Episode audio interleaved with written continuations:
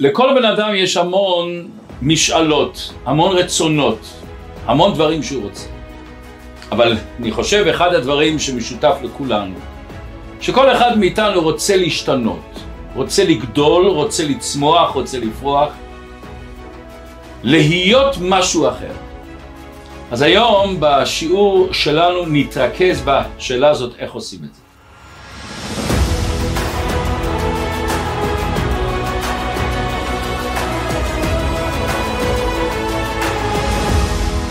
הרי אנחנו היום נכנסנו לאלול, חודש הרחמים, זה אני חושב הזמן הכי נפלא של בן אדם להשתנות, לגדול, לצמוח.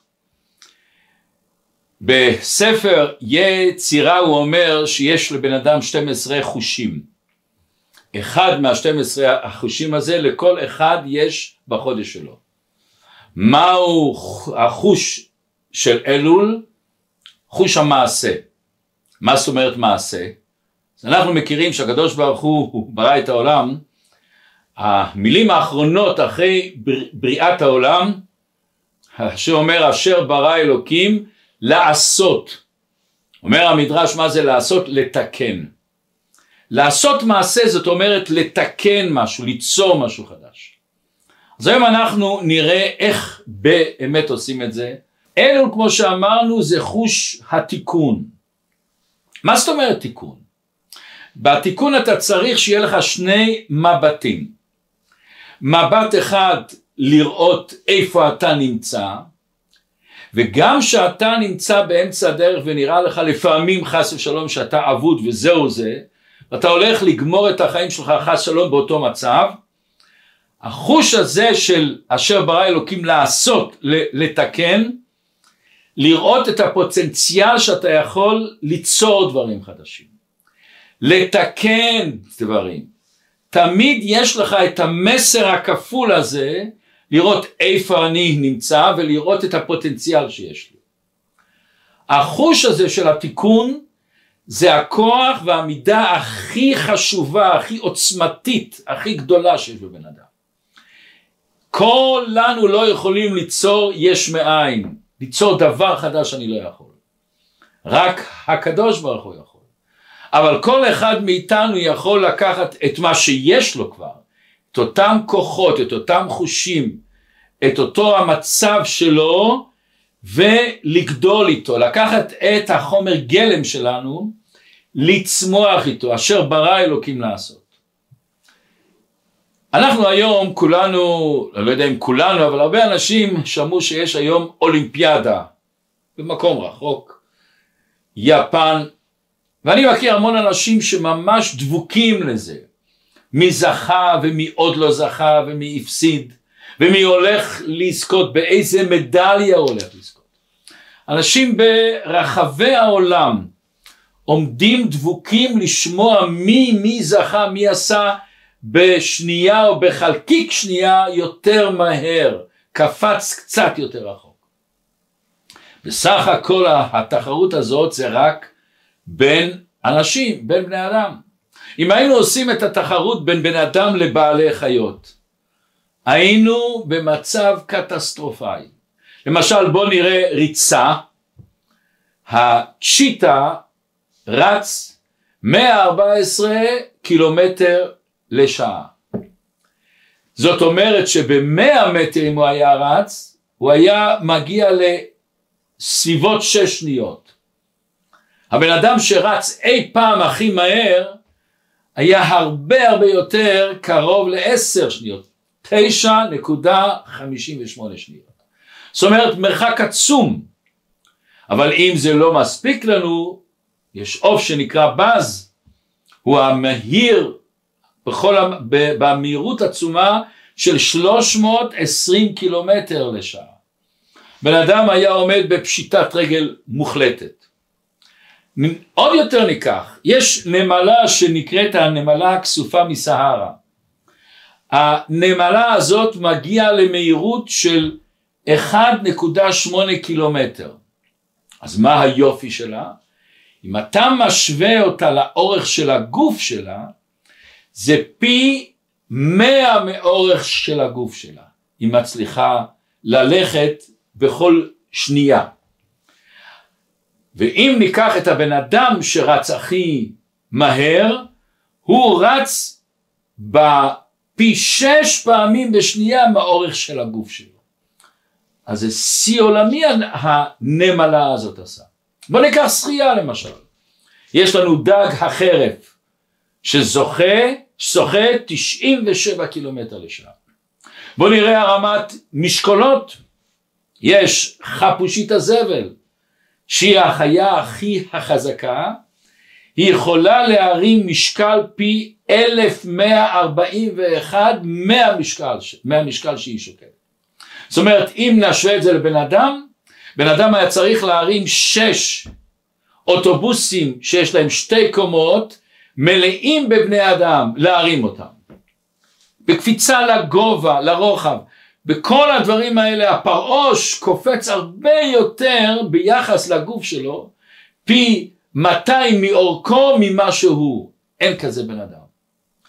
אז למה, מה המתח הזה שאנשים כל כך שואפים להשיג יותר? מה המתח של האנשים מסביבם שצופים, ומה המתח של אותם אנשים שמשקיעים שנים שנים, כל יום, שעות שעות של התעמלות וריצות וש, ושיפורים רק בכדי אולי אולי להגיע בשנייה או בחצי שנייה יותר. מאיפה זה בא? זה בא מהכוח הנפלא שיש לאדם. ובואו נראה מאיפה זה בא. מוסבר בחסידות, הרב עכשיו מסביר את זה דבר מעניין מאוד. הבריאה מתחלקת לדומם, צומח, חי, מדבר. הדומם, אנחנו יודעים מה זה, הוא לא זז, אין לו שום תנועה, אין לו שום רגש, שום חיות. אבל הוא רוצה לגדול, רוצה לצמוח, רוצה להתעלות. מה עושה הדומם? יש לו את הכוח להצמיח. שאני לוקח גרעינים של פירות, של אה, ירקות ואני שם אותם באדמה, הם מתרכבים והם צומחים ואז האדמה גודלת. אדמה עלתה למדרגה מדומם לצומח. הצומח צומח, מביא פירות, נפלא, אבל גם הוא רוצה להתעלות. מה הוא עושה? הקדוש ברוך הוא עשה שהצומח הזה נותן אוכל לבעלי חיים. ואז ברגע שבעל חי, הסוס, החמור, הכלב אוכל, הבעל חי, הצומח הזה נתעלה, הוא נהיה חי, הוא נהיה בעל חי. הבעל חי גם רוצה לעלות. אז מה האור? כשהבן אדם אוכל את הבעל חי, כשבן אדם אוכל את הצומח, בן אדם משתמש בדומם, הוא מעלה את כל השלושה דברים. כאן באה השאלה גדולה, ואיפה אנחנו? אנחנו בני אדם, המדבר לאיפה הוא עולה? המדבר רוצה להתעלות, להתקשר לקדוש ברוך הוא. המדבר רוצה לצאת מהגבלה שלו, מהגבלה של נברא. וזה שיש לו את הכוח של תשובה, את הכוח של שינוי, את הכוח של לתקן כמו שאמרנו וזה העת רצון הזה באלול זה חוש התיקון. יש משל נפלא של הבעל שם טוב. אומר שהיה פעם איש עשיר מאוד שהלך ברחוב ושמע מישהו יושב ברחוב ומנגן אתם יודעים כמו שאנחנו רואים וניגן ניגון נפלא והוא עומד ומקשיב לניגון הזה ממש כלות הנפש. ואז הוא הביא אל אותו בן אדם עוד פעם כסף ועוד פעם כסף, תנגן עוד פעם ועוד פעם, והוא חזר חזר עד שזה נחקק לו. אותו עשיר ניגן את הניגון הזה כמעט כל יום כמה וכמה פעמים. כשהוא אכל, כשהוא הלך לבית כנסת, כשהוא הלך לעסקים, הוא חי עם הניגון הזה. פעם אחת הוא מתעורר בבוקר, אסון, הוא לא מצליח להיזכר בניגון, שואל את אשתו, את הילדים, הוא לא זוכר. הוא אדם עשיר, יש לו את הברייטקייט, שם מודעות בכל העיר, מי שיחזיר לי את הניגון יקבל פרס. ובאו אליו זמרים אחד אחרי שני, ניגנו ניגונים מאוד יפים. הוא הקשיב לכולם, הוא אמר, פסס, ניגון מאוד יפה, אבל זה לא זה. מאוד יפה, אבל זה לא הניגון שאני מחפש אותו. אומר הבעל שם טוב, אנחנו בעולם שהיינו למעלה, הנשמות שלנו, שמענו ניגונים רוחניים, אלוקיים. זיו השכינה היינו שם. ואז נהנינו הנאה אין סוף. כשבאנו לעולם הזה, בן אדם מרגיש חסר משהו. אין לו משהו, הוא מחפש משהו. ואז הוא מתחיל לחפש את זה. מתחיל לחפש את זה בכל מיני דברים, בכסף, בתחביבים, בספורט, ברצון לפרוץ גבולות, להתעלות, להיות משהו מעל אני. וכל פעם אחרי שהוא עושה את זה הוא מרגיש זה היה טוב אבל זה לא זה. הוא עשה לעצמו את דחיפה על השכם אבל זה לא זה. זה המניע של בני אדם לכבוש הרים, לעשות כל מיני דברים שאנשים לא עושים מהרצון הזה לצאת מההגבלות שלך, לצאת מהצמצום שלך, לכבוש את ההגבלה שלך. חבל נורא שבן אדם לפעמים את אותו חוש נפלא, את אותו כוח נפלא, שיש לו לגדול, לצמוח, לפרוח, לשנות את עצמו, לתקן את עצמו, משתמש לדברים פשוטים, להשתמש לדברים גשמיים. אתה מאבד עוצמה עצומה, משתמש איתה לדברים מאוד פשוטים. וזה קשור לפרשת השבוע, פרשת השבוע אומרת שופטים ושוטרים תיתן לך, פרשת שופטים. תשים לך שופט ושוטר לשמור על עצמך. איך אתה משתמש בכוח, בכוח העצום הזה שיש לך לגדול. בצלם אלוקים ברא אותו, מה זה אלוקים? בעל הכוחות, יש לך כוחות עצומים לצאת מעצמך. עכשיו בואו נראה מה הפירוש הזה שאני אומר בכל שעריך. למה בכל שעריך? סתם שופטים ושוטרים תיתן לך שאתה צריך לשפוט את עצמך לראות איפה אתה עומד. מה זה בכל שעריך? אז בואו נראה היום איך השורש הראשון, הצעד הראשון שבן אדם רוצה להשתנות, לגדול, לצמוח, לפרוח, להיות משהו אחר. אז בואו בהתחלה אני רוצה להקדים סיפור. היו שני אחים עשירים גדולים בארצות הברית שקראו שם משפחה שטראוס, אחד היה נתן ואחד היה איזידור, שתי אחים. בשנת 1912 הם באו לביקור בארץ ובייחוד נתן הלך ממקום למקום ראה את ההתחלה של ההתיישבות בארץ ובא לירושלים והיה מוקסם הוא ראה יהודים, תלמידי חכמים, יושבים ולומדים תורה, בלי כסף, בלי כלום. הוא היה אדם בעל לב זהב, הוא מיד התחיל לתרום, לעזור. הבת שלו סיפרה שפעם הוא הלך ברחוב שער השמיים. הוא רואה בן אדם, בגדים סמטוטים, נסחב עם שקיות, הוא רואה שאין לו כוח, אין לו כסף. מיד הוציא, הוא לא ביקש ממנו כסף, הבן אדם הוציא סכום יפה של כסף והביא לו. ואז הוא רואה הבן אדם הזה עשה לו עם הראש, שכוייך, והוא לוקח את הכסף והוא הולך, הוא רואה לאיפה הוא הולך, ואחד הכניסות לבתים ישב בן אדם, שהשם ישמור היה קטוע רגל, ונותן לו את הכסף הזה. הוא יצא מהכלים. האדם הזה הוא גם לא נראה העשיר הכי גדול, עני ואביון, ושהוא מקבל כבר תרומה למי הוא נותן למישהו אחר. ואז הבן אדם שעמד על ידו מראה לו פלקט באותו רחוב הזה. דברים נפלאים מאלה מתרחשים בשער השמיים. זה רחוב של שער השמיים. ואז הבא, הבת מספרת שהוא התחיל לעזור לאנשים. ועשה, מי שמכיר את מרפאת שטראוס, הוא עשה אחד בירושלים, אחד בתל אביב, עשה מקום לחלק אוכל, עזר מאוד לאנשים. והבת שלו מספרת שאימא שלו פשוט פיחדה על העצבים שלו. הוא כל הזמן היה עסוק לעזור ולעזור ולעזור ולעזור. ואז אח שלו אומר לו, איזידור אומר לו, יש את הטיטניקה, את האונייה, שאמרו שהיא לא יכולה להיטבע, אנחנו הולכים לקנות שם כרטיסים ולנסוע. נטו אומר לו, לא, אני מצטער, אני לא יכול לעזוב. אני צריך להישאר פה. האח שלו נסע עם אשתו עידה, ונסעו אל אותו מקום, ואנחנו יודעים 1,500 אנשים באונייה שמשמו נטבעו, גם כן הוא ואשתו, אשתו לא הסכימה להישאר לבד, היא הייתה יכולה להינצל אבל היא הלכה עם בעלה ונפטרה ויש על זה סיפור ארוך. הוא עשה מקום לחלק אוכל, אבל לא רק הוא עשה מקום, הוא הלבד בא לראות שם מה הולך. וכשהוא נכנס הוא ראה בן אדם אחד שקיבל, הוא חשב שהוא בא גם לאכול, הוא, הוא לא הכיר, עשה הכל בהצנע לכת. ואז הוא שוחח איתו, מי אתה? הוא אומר לו, השם שלי יוסף נבון. הוא אומר לו, אני רואה שאתה כל כך חם ועוזר, אני עושה אותך לממונה. הבן של אותו יוסף נבון היה יצחק נבון, שהוא היה נשיא של מדינת ישראל.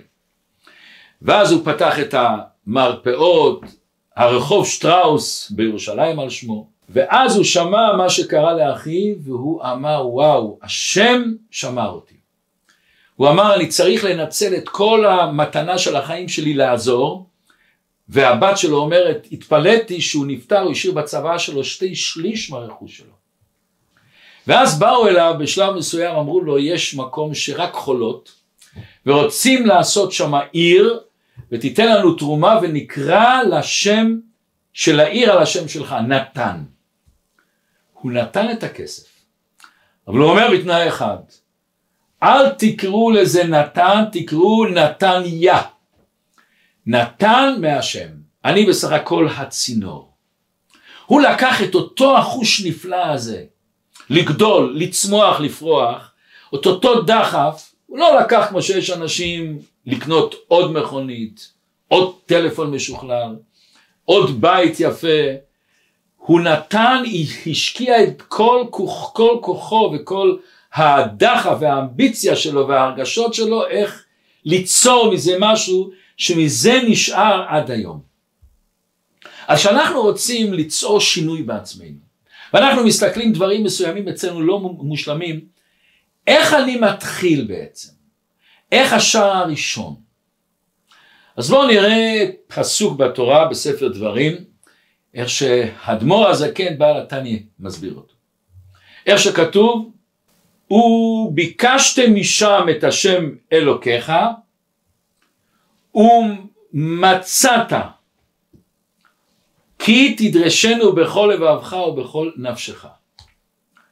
שואל אדמו"ר הזקן מה זה וביקשתם?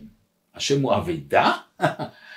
זה לא דבר שאתה צריך לחפש אותו. אז מה פשוט הוא, הוא, הוא ביקשתם ומה זה ומשם? אומר אדמו"ר הזקן כתוב וירא אלוקים את האור כי טוב אומר המדרש כי טוב לגנוז בכל יהודי יש טוב יש המון קדושה אבל הוא גנוז כמו יהלומים באדמה שהם גנוזים הם מכוסים. אומר אדמו"ר הזקן מה זה וביקשתם משם? שם זה רחוק. כשאני אומר זה זה קרוב אומר אדמו"ר הזקן שאתה הולך לחפש את השם, איפה תחפש אותו? אז יש מצב שאתה רואה את הקדוש ברוך הוא, כמו שכתוב זה כלי וענווהו. הרי השם כל אחד שמביט על העולם רואה שהוא נוצר מהקדוש ברוך הוא. מה זה שם? שם זה הקליפות.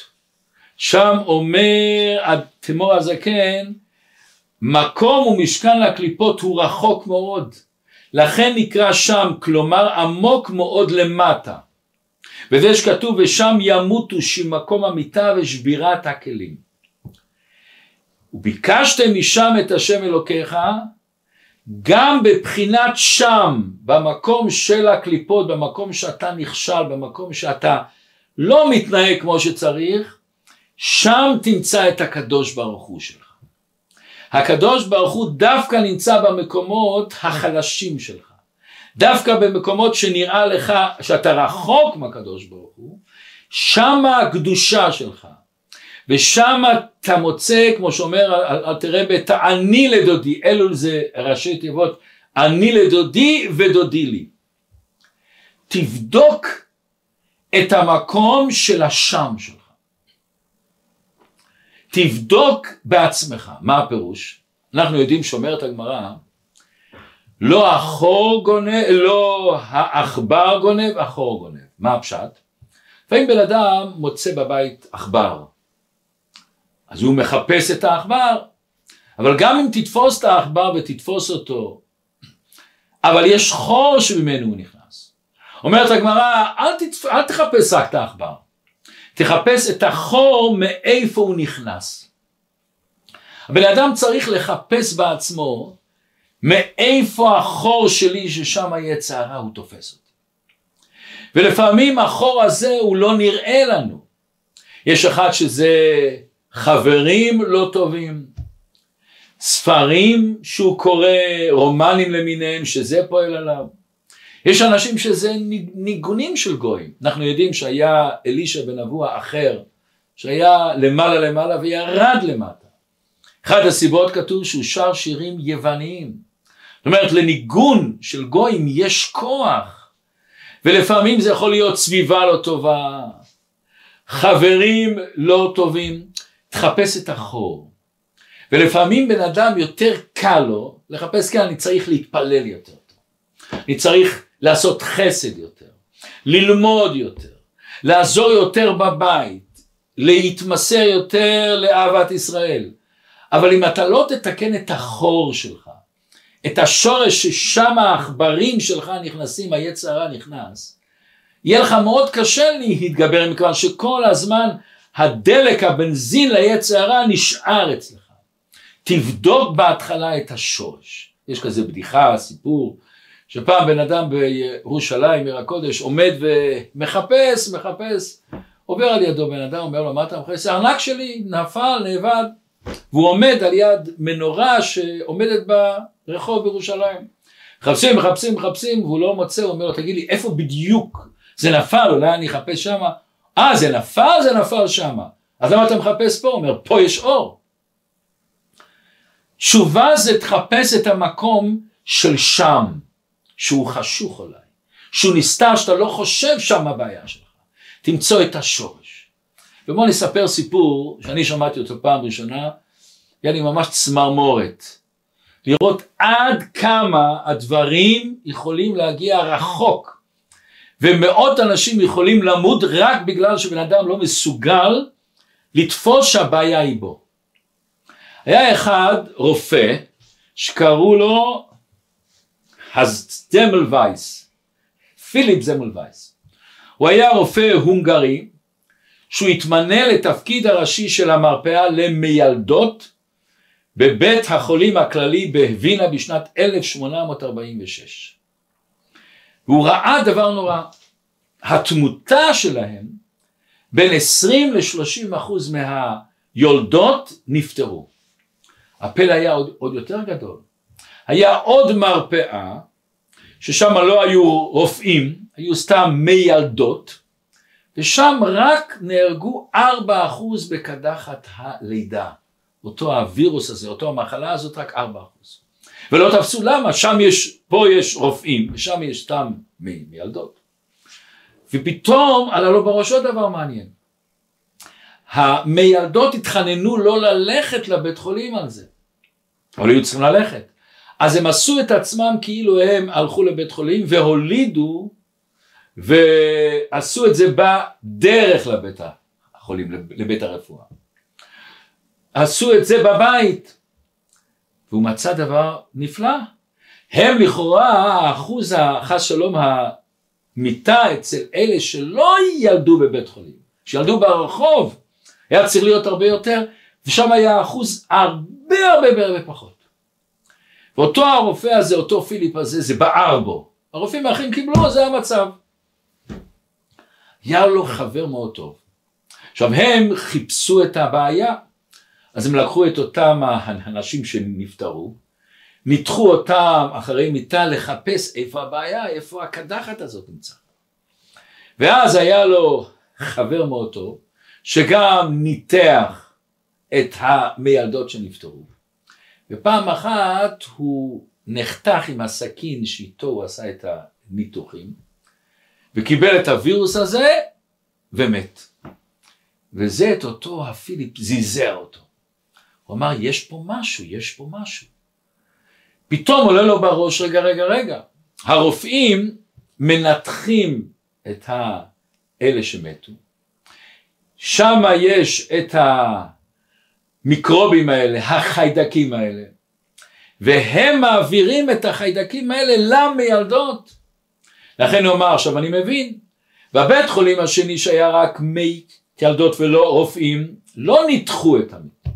לכן שם האחוז הרבה פחות, אצלנו מעבירים.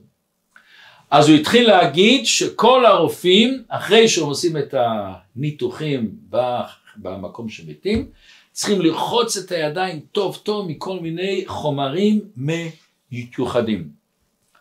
הוא עשה את זה, ואחרי כמה זמן האחוז ירד לשתי אחוז, ואחרי זה לאפס. והוא התחיל לעשות רעש גדול, וכתב מאמרים ופרסם שכל הרופאים, אנחנו אלה שהורגים את המיילדות. אנחנו צריכים לרחוץ את הידיים. ותראו דבר נורא ואיום. הרופאים לא קיבלו את זה. זה לא התאים להם להגיד האשמה היא בי. זה לא התאים למעמד החברתי שלהם, אנחנו רופאים, אנחנו צריכים לרחוץ את הידיים, אנחנו טמאים. התחילו להעליל עליו שהוא יהודי, ומכיוון שאצלכנו בני ישראל, אצל היהודים רוחצים את הידיים לפני האוכל, לכן הוא אומר את זה. החרימו אותו, לא רצו לקבל את מה שהוא אומר. והוא לחם איתם, ובסוף הוא קיבל התמוטטות עצבים. לקחו אותו לבית חולים למשוגעים, ובסוף, והוא שם המשיך לעשות את הבלאגן, בסוף ב-13 באוגוסט 1865, שהיה בגיל 47 הוא מת, ממה? מהמכות שהעובדים שם היכו אותו. אחרי הרבה שנים התברר שהוא כל כך צדק. תראו מה זה, זה מזעזע לשמוע כזה דבר. יש לפעמים הבעיה היא בנו. ואנחנו מחפשים את זה בכל מיני מקומות אחרים, זה השם וזה השם וזה השם. והבעיה היא בנו. לכן כל בן אדם צריך לחפש את התשובה, את הפתרון, תחפש את זה אצלך. וכך נוכל להבין מה שאומרת הגמרא במסכת שבת. וכך זה האומנות של היצע הרע. היום אומר לו עשה כך, מחר אומר לו עשה כך, עד שאומר לו לך, לך אבוד עבודה זרה. מה זאת אומרת עשה כך? הוא לא אומר לו לעשות חטא. דבר שנראה לך שהוא לא חטא, להיות בסביבה של אנשים, בסביבה של חברים, לקרוא ספרים, שזה לא מי יודע חטא. אבל הוא תפס את החור, הוא נכנס בתוכו. וזה מה שאומרת הגמרא, המשנה באבות. רבי חננה אומר, הנאור בלילה והמהלך בדרך יחידי, והמפנה ליבו לבטלה הרי זה מתחייב בנפשו. מה זאת אומרת? מה החטא הגדול? הוא עולה, היה בלילה ער, מהלך בלילה יחידי, מה החטא? מסבירים, הניאור בלילה ומפנה ליבו לבטלה. המהלך בדרך ומפנה ליבו לבטלה. זאת אומרת, אם אתה לא עסוק, אם אתה פותח לך חלל ריק בנפש, שם כל הלכלוך יכול להיכנס. לפעמים החור הוא רק בטלה. לפעמים החור הוא רק שאתה גורם לעצמך שאתה לא עסוק ואז כל מיני דברים נכנסים בלב שלך. זה אומרת המשנה הרי זה מתחייב בנפשו. מה זה מתחייב בנפשו? אתה קורא אתה שאתה חס שלום תהיה ניזוק, שאתה חס ושלום תמות מבחינה נפשית, אתה אשם, אתה, כמו, אתה זה שהיית מאבד את עצמו לדעת. אתה מתחייב בנפש שלך, אתה אחראי על הנפש שלך.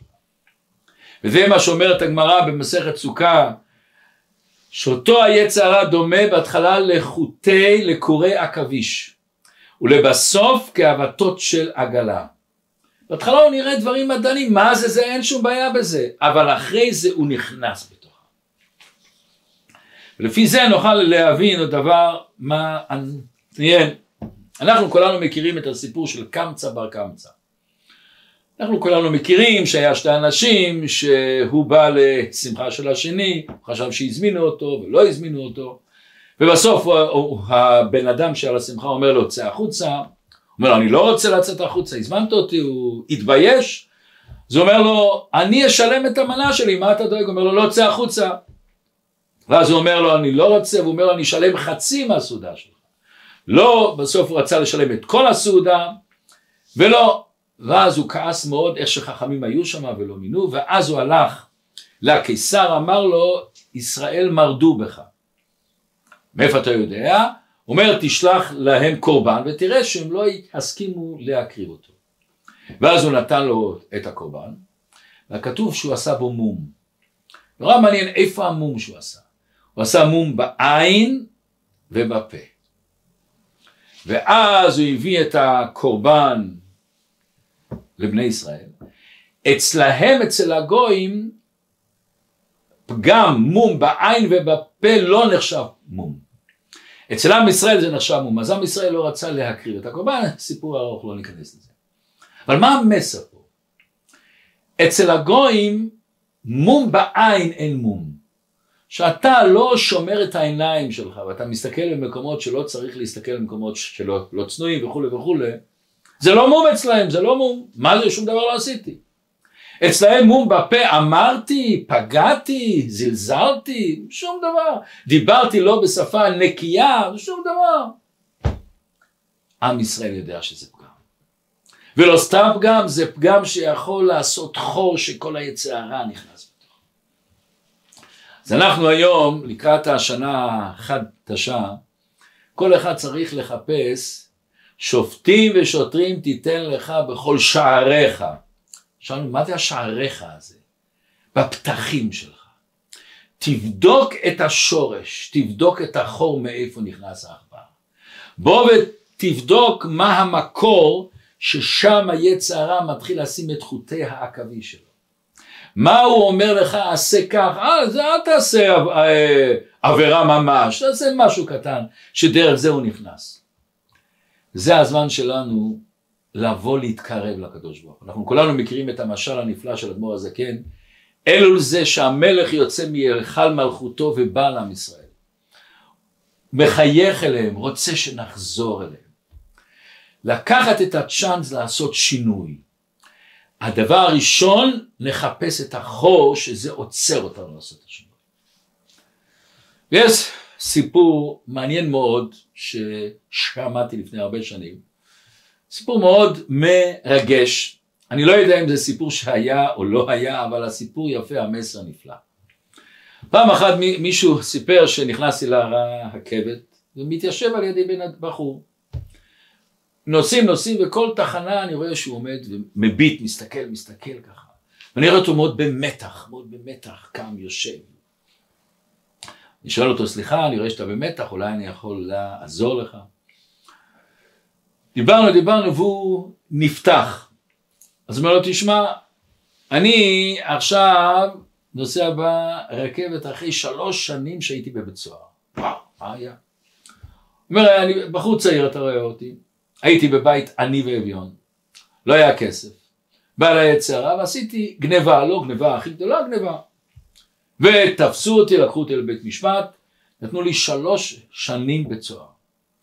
זה הרס את אבא ואמא שלי. אבא שלי קיבל התקפת לב והלך לעולמו, ואמא שלי הייתה ממורמרת, השם שלנו נפל, זה הזיק לה, לש... נורא ואיום, טרגדיה. נורא כאב לי, נורא כאב לי. ידעתי שהרסתי את הבית. עכשיו שבא הזמן להשתחרר, שלחתי מכתב לאמא. אמרתי, אמא, אני יודע שעשיתי לך המון צער. אם אני יודע שפגעתי בכל המשפחה, אני לא יודע אם את רוצה לראות אותי בכלל. ואני מאוד יבין ויקבל אם לא תרצי לראות אותי. אז אם אני נוסע ברכבת, קונה כרטיס למקום רחוק מאוד, אבל עשיתי בכוונה שאני עובר על יד העיר שלנו. אמא, אם את רוצה לראות אותי, תשימי צעיף צהוב בתחנה על איזשהו מקום. אם אני אראה את הצעיף הצהוב, אני אדע שאת רוצה לראות אותי. ואם לא, אני מקבל את זה, אני אמשיך הלאה ולא תראי אותי יותר. ואז הוא אומר לשכן שלו, אני כולי במתח. מה יהיה? מה יהיה? היא כן תשים, לא תשים. לכן כל תחנה אני מסתכל איפה אנחנו עומדים, עוד כמה תחנות. שואל אותו הבן אדם עוד כמה תחנות אנחנו באים, אומר לו בהתחלה ארבע, אחרי זה שלוש, עוד שתי תחנות. כשבאו לתחנה האח, האחרונה הזאת, מסתכלים החוצה. אין סעיף. אין סעיף אחד. כל התחנה הייתה מלאה צעיפים צהובים. והאימא עומדת צעיף גדול גדול גדול על הצוואר שלה ומנפנפת את היד. הוא ירד. אנחנו כל השנה לפעמים היינו בבית סוהר מסוים, בית סוהר של עצמנו. אתם יודעים, הנפש הבעמית, היצרה, לפעמים הוא תופס אותנו. בחודש אלול הקדוש ברוך הוא שם המון צעיפים צהובים. המלך בשדה יורד אלינו, מחייך אלינו, בואו בחזרה. אז בואו נרד מהמצב שהיינו ונעשה את התיקון, חודש הרחמים, שנזכה כולנו בקרוב ממש לביאת משיח, ושכל אחד יגאל את עצמו מההיעלם והצמצום שיש לו. לחיים בחיים.